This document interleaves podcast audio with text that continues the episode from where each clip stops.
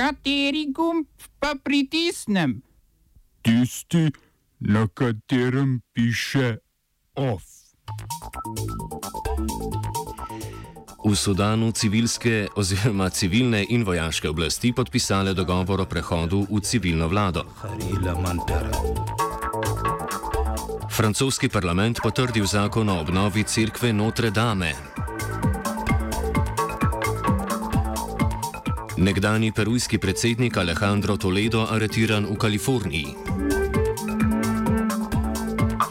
Milorad Dodik vložil veto na tožbo proti Hrvaški zaradi gradnje Pelješkega mostu.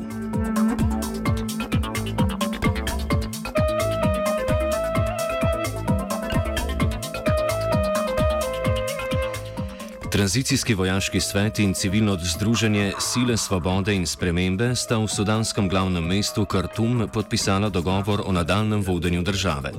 Po 30 letih avtokratske vlade Omarja al-Bashirja, ki ga je vojska odstavila aprila letos in prevzela vlado, je tako postavljen načrt tranzicije v civilno vladavino. Za tranzicijsko obdobje treh let dogovor predvideva delovanje suverenega sveta. Tega bo prvič 21 mesecev sestavljalo pet predstavnikov vojske in šest civilnih predstavnikov, zadnjih 18 mesecev pa zgolj civilisti. Po tranzicijskem obdobju bo tako imenovani suvereni svet razpisal volitve za poslance, ki bodo sestavili vlado. Dokončni dogovor med vojaško in civilno stranjo bo sprejet v petek. Dogovoriti se boste morali še o predlagani imuniteti za vojaške predstavnike suverenega sveta.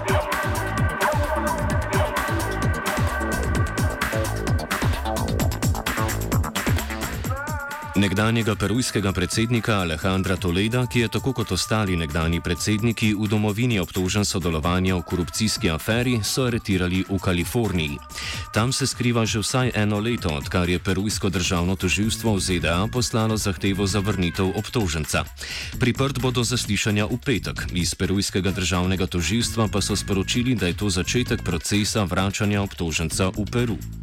V aferi z imenom Odebrecht, v kateri je istoimenski naftno-gradbeni konglomerat iz Brazilije plačal več kot 700 milijonov evrov podkupnin, naj bi Toledo prejel vsaj 15 milijonov evrov.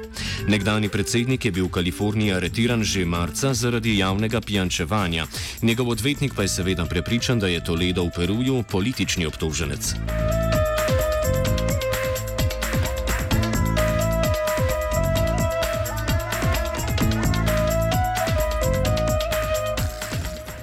Po dveh mesecih pregovarjanj je francoski parlament potrdil zakon o obnovi cerkve Notre Dame. Zakon sicer ne vključuje podrobnih arhitekturnih rešitev, a vključuje idejo francoskega predsednika Emmanuela Macrona o sodobni prenovi pogorelega zvonika.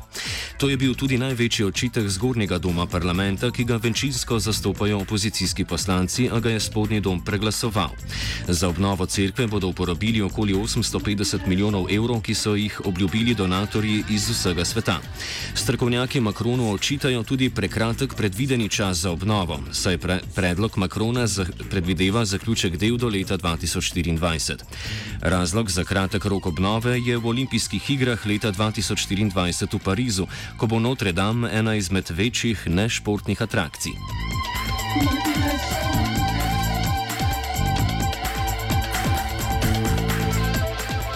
Predstavnik srpskega naroda v predsedstvu Bosne in Hercegovine Milorad Dodik bo uveljavil veto na odločitev o tožbi Republiki Hrvaške zaradi gradnje Pelješkega mosta.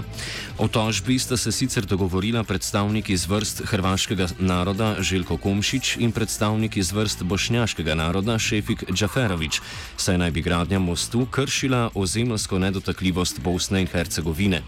Dodik bo izkoristil mehanizem vitalnega etničnega interesa, torej tožba proti proti Hrvaški ne bo možna, če bo tudi Narodna skupščina Republike Srpske podprla nasprotovanja.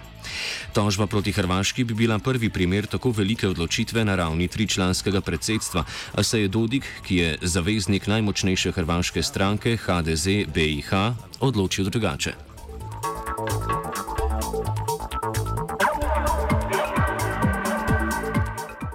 Občinsko državno odvetništvo v Vinkovcih je zavrglo prijavo o kaznivem dejanju ministrice za regionalni razvoj in sredstva Evropske unije Gabriele Žalac.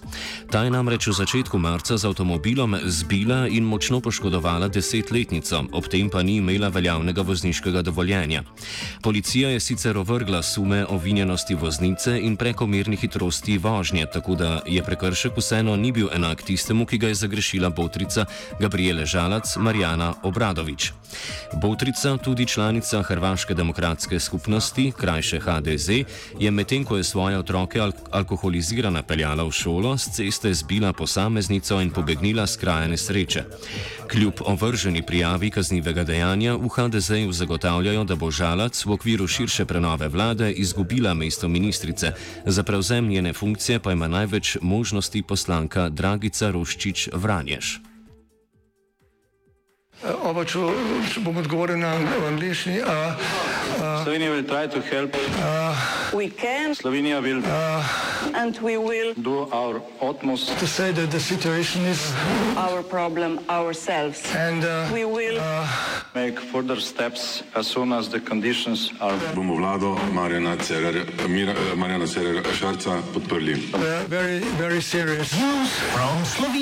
we know how and we will. maravilha, mano. Premijer Marjan Šarec je predstavil svoj predlog za evropskega komisarja. Odločil se je za stalnega predstavnika Slovenije pri Evropski komisiji Janeza Lenarčiča, izbiral pa je po mlačno-pragmatičnem ključu. Glede na rezultate volitev v Evropski parlament je namreč določil nestrankarskega komisarja. Lenarčič je bil državni sekretar od leta 2006, ko ga je na to funkcijo imenovala vlada pod vodstvom Janeza Drnovška. Na poziciji pa je ostal tudi za časa vlad Janeza Janše in Mira Cerarja. Po podobnem sistemu je predsednica Evropske komisije postala relativno politično neutralna Ursula von der Leyen. Prva predsednica Evropske komisije je tako prevzela primat pred Manfredom Webrom, ki ga je pred volitvami predlagala Evropska ljudska stranka, Francom Timmermansom iz vrst socialistov in liberalko Margaret Vestager. Več o novi predsednici in ostalih komisarjih v današnjem offsajdu o petih.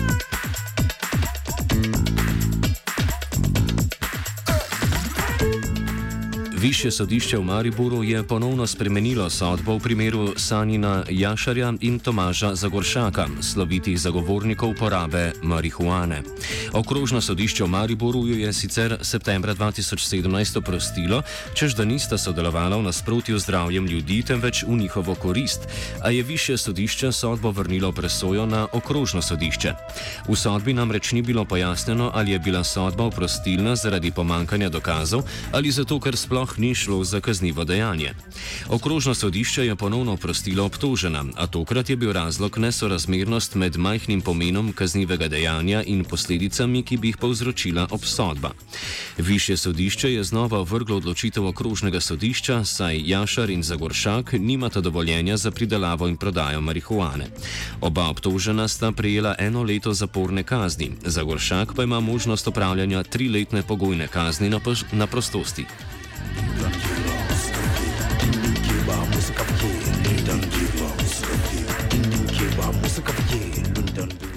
Ustavno sodišče je razveljavilo del zakona o nalogah in pooblastilih policije, ki govori o uporabi tehničnih sredstev za optično prepoznavo registrskih tablic pri opravljanju policijskih nalog in sicer zaradi neskladja s pravico do varstva osebnih podatkov po 38. členu ustave.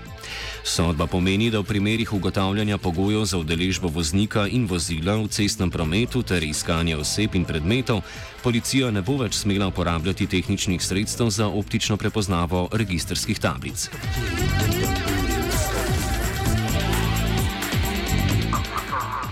OF je pripravil Virant.